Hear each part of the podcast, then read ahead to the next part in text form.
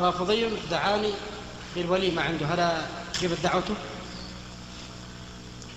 كما قلت للسائل أولا إذا كان هذا قد عرض عليه الحق ولكنه أبى وأصر إلا أن يبقى على ما هو عليه من الضلال فلا تجب دعوته إلا أن تخاف من شره فأجب دعوته دفعا لشره كما لو كان رئيسا على عمل أنت فيه وتخشى أن يتحداك إذا لم تجب دعوته فأنت أجب دعوته دفعا لشره.